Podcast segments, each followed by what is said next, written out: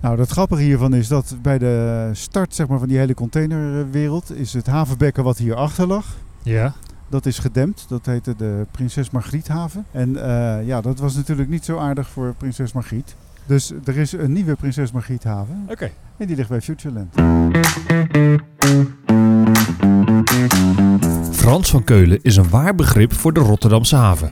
Een lopende encyclopedie over alles dat te maken heeft met het havengebied en de ontwikkeling van kleine stadshaven tot de grootste haven van Europa. Maar Frans gaat met een welverdiend pensioen. En daarom deelt hij zijn verhaal van de Rotterdamse haven in deze speciale podcastserie. Ga mee op ontdekkingsreis door de haven.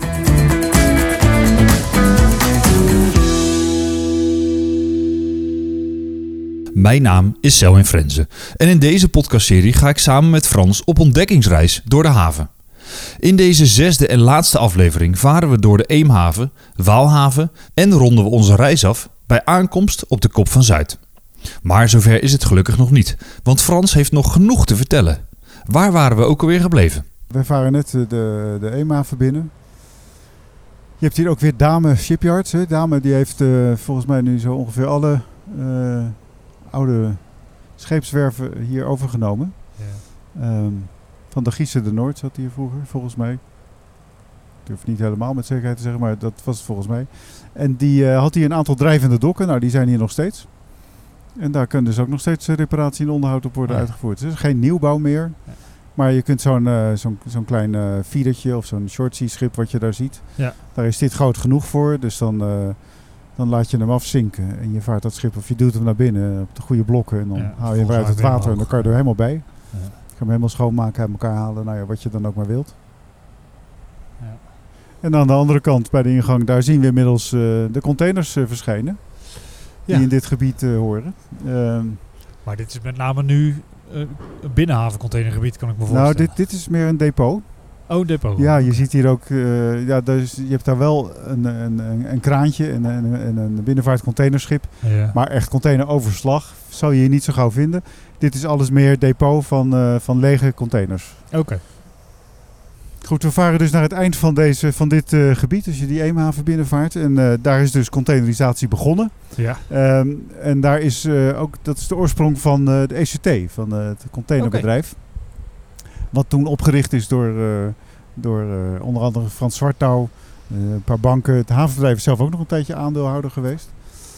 Want het waren nieuwe initiatieven, nieuwe kansen, nieuwe mogelijkheden. En Ja. daar springt het havenbedrijf graag op in. Ja. Maar op het moment dat je zegt van oké, nou draait het, we kunnen verder, zelfstandige markt. Dan heb je daar geen positie meer in te nemen. Dan laat je dat weer over. Ja. ja het Maar is in dus ieder vooral geval- de opstartfase. Dat Ja, dat geldt voor een aantal dingen de, waar we bij betrokken zijn geweest. En, ehm, dat, maar het, inmiddels is de ECT als, als onderneming hier verdwenen. Alles Ja. is naar de, naar de Maasvlakte. Delta Terminal op de Maasvlakte gegaan. Ja. En dit hele gebied is, eh, het grootste gedeelte is eigenlijk omgezet naar de Rotterdam Short Sea Terminal. En de Rotterdam Short Sea Terminal, dat is dus gericht op ja, vrijwel alles Europees goederenvervoer. Dus dat is Ja. Europese producten met Europese bestemmingen, zo zeg ik het maar even kort. En hier vind je dus ook lang niet al die, die grote containerschepen die je op de Maasvlakte aantreft, Nee. die kunnen hier niet eens komen, want er is het niet, net niet diep genoeg voor. Nee, nee, nee, Die kranen zijn daar niet toereikend voor en de capaciteit op de terminal ook niet. Maar voor die kleinere schepen, die je daar ziet, prima. eh, van die, die, die short sea schepen, Ja. ja, die vervoeren misschien maar 500 containers. De hele grote misschien 800 of 1000, maar vaak Ja. kleiner. En die doen ook kleine haventjes aan.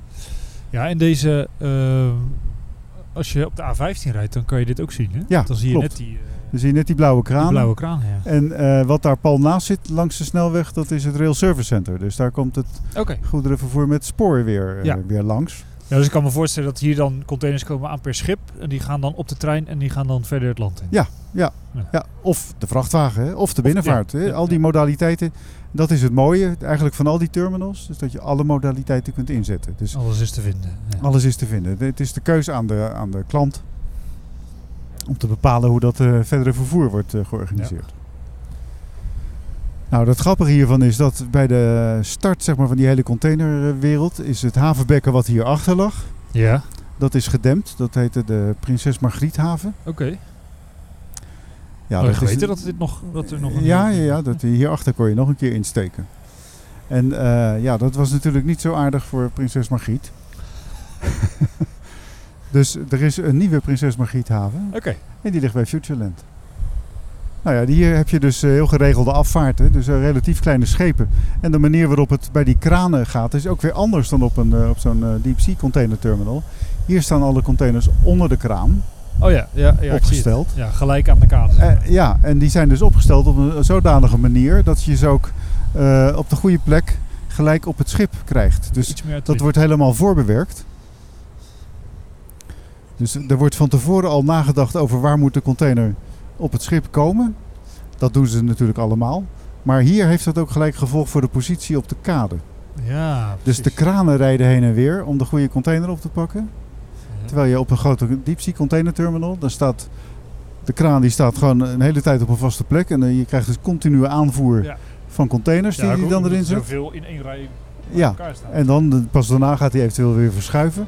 Maar hier Ja. zie je deze containerkranen met de enige regelmaat ook heen en weer bewegen. weer, Ja. Ja. Oh, oké. Het is een iets andere systematiek.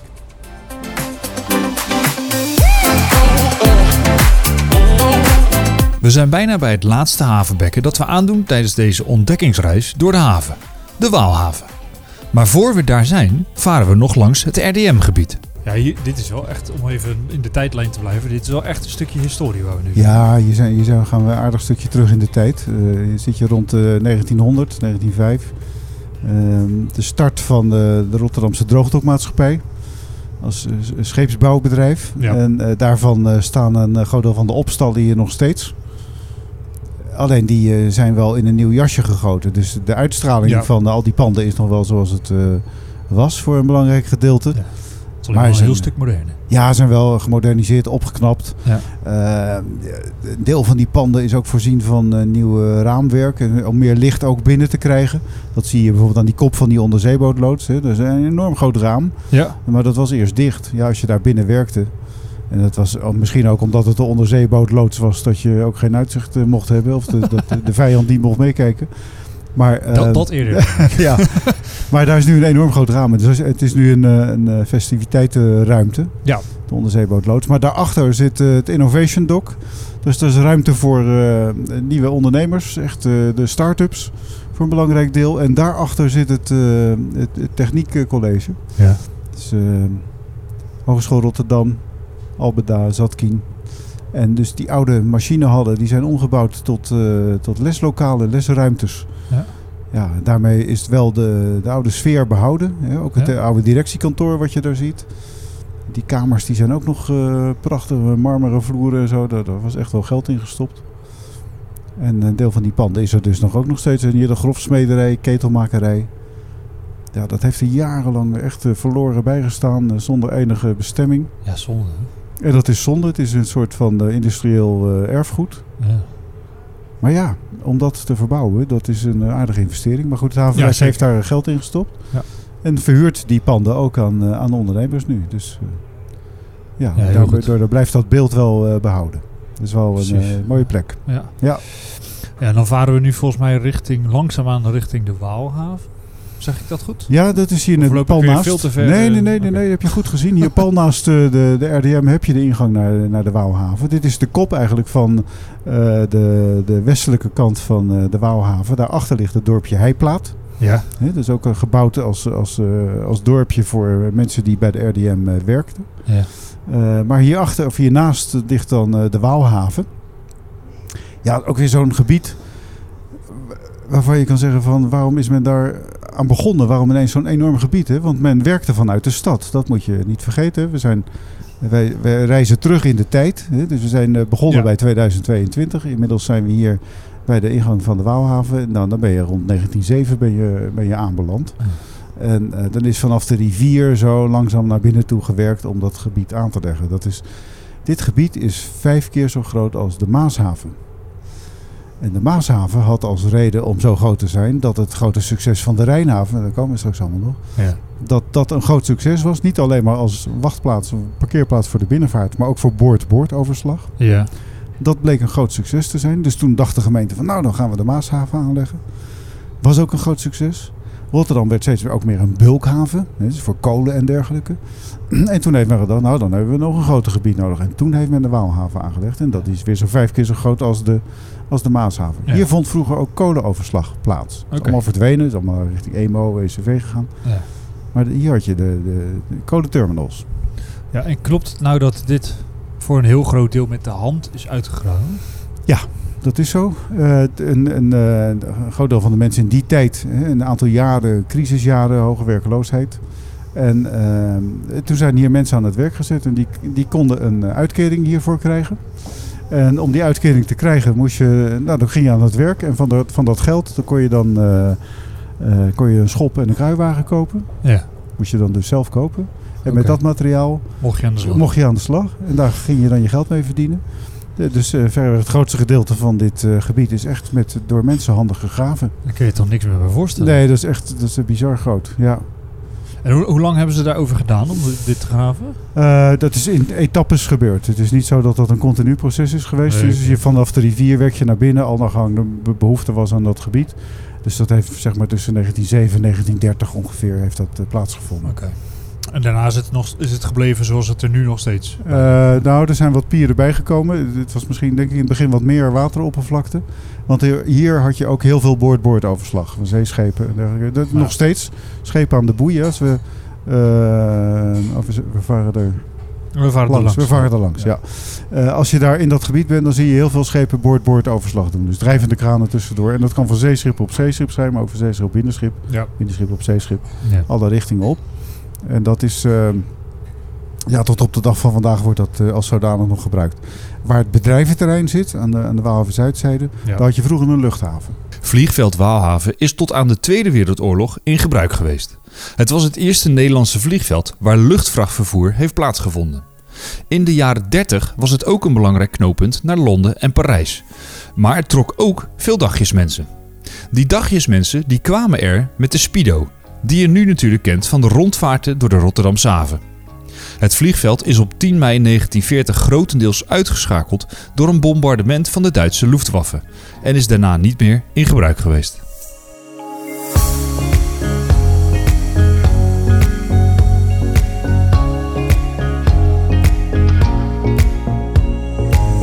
Tegenover de Eem- en Waalhaven ligt Schiedam en het Merwe-Vierhavengebied. Ja, dan zijn we net langs het uh, Merwe Vierhavengebied eh, gevaren.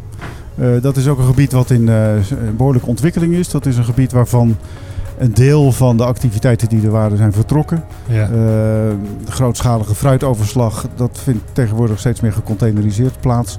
Dus er zijn delen van dat gebied waar je nieuwe bestemming aan kunt geven. En eh, het M4H-project eh, doet dat. Ja. Daar zijn ze mee bezig om dat eh, nieuwe richting te geven. Dus als je daar, ja, als je daar nu al rondloopt, dan zijn er al een aantal hele interessante eh, alternatieven of ac- activiteiten. Eh, en als je daar over vijf jaar komt, dan is dat gebied weer veranderd. veel meer, ja. Dan is er nog meer. En, en wat voor activiteiten moeten we dan denken? Wat gebeurt daar nu? Nou, er zit een stadsbrouwerij, om maar wat te noemen. Eh, er is een grote stadstuin aangelegd waar mensen eh, ja, groenten verbouwen en allemaal dat soort dingen. Dus er zit, kunstenaars zitten daar. Nou ja, je, je kunt er allerlei nieuwe bestemmingen aan geven. Niet noodzakelijkerwijs iets wat met de haven te maken heeft. Nee. Maar met stadsontwikkeling of een mix daarvan. Ja, dat moet allemaal nog uitgedokterd worden. Maar het is een groot gebied. De, de, de, de omvang ervan is vergelijkbaar met het centrum van Rotterdam. Ja. Dus je kunt je voorstellen als je daar nieuwe kansen ontwikkelt. Dat, ja, dat is eh, heel Daar- daar interessant. gebeurt al wat. Daar gebeurt wel wat. Ja, Ja, ja. De havengebieden die we nu tegenkomen, zoals de Rijn- en Maashaven, zijn allemaal weer teruggegeven aan de gemeente Rotterdam en doen niet of nauwelijks dienst meer als havengebied. Maar hoe zijn deze havenbekkens ooit in gebruik genomen? Want de haven begon aan de Noordoever, waar het centrum van Rotterdam ligt. Toen de gemeente Rotterdam begon met de ontwikkeling op de Zuidoever, daartoe aangezet door het bedrijfsleven, eh, allemaal ondernemers en, eh, soms aarzelende gemeenteraad van wat gaan we nou doen, wat is onze rol nou eigenlijk. Ja. Eh, toen heeft men toch besloten om die sprong naar de Zuidoever te maken.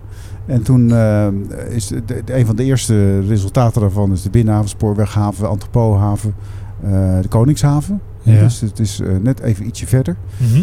Ehm, en eh, toen zijn er allerlei toestanden geweest rondom eh, meneer Pinkoffs. Die zijn Rotterdamse handelsvereniging had opgericht. En ook nog een andere handelsvereniging. En dat financieel allemaal niet helemaal lekker heeft afgehandeld. Waardoor een aantal families, bekende families in, in, in Rotterdam, Mees, Beuningen en dergelijke, Ja. die hebben echt miljoenen verloren. Dus ze zijn echt het schip ingegaan. ja. En toen heeft eh, de gemeente Rotterdam eh, het roer in handen genomen. heeft de gemeentelijke handelsinrichting opgericht. En die is toen verantwoordelijk geworden voor een deel van de exploitatie van die haven. Dus voor de, Ja. voor de inrichting, beheer. Maar die hebben ook eh, instrumenten gekocht. Dus ook kranen gekocht en dergelijke. Die hebben daarmee die haven gestimuleerd. Het resultaat daarvan is dat de gemeente toen besloten heeft om v- voortbouwend op het succes wat toch wel die haven werd, de Rijnhaven aan te leggen. Ja. Eh, eerst als soort wachtplaats voor de binnenvaart, zeker in tijden van ijsgang. Als je dan, eh, dat hadden we toen nog als je de rivier op ging, dan hoef je, daar hoef je nou niet meer om te komen. Nee. Maar ja, dat is ook een trieste constatering aan de ene kant. En, eh, maar ja, die binnenvaart kon dan niet op de rivier varen, omdat er te veel ijsgang was. Ja. Dus konden ze in de, in de, in de Rijnhaven konden ze wachten.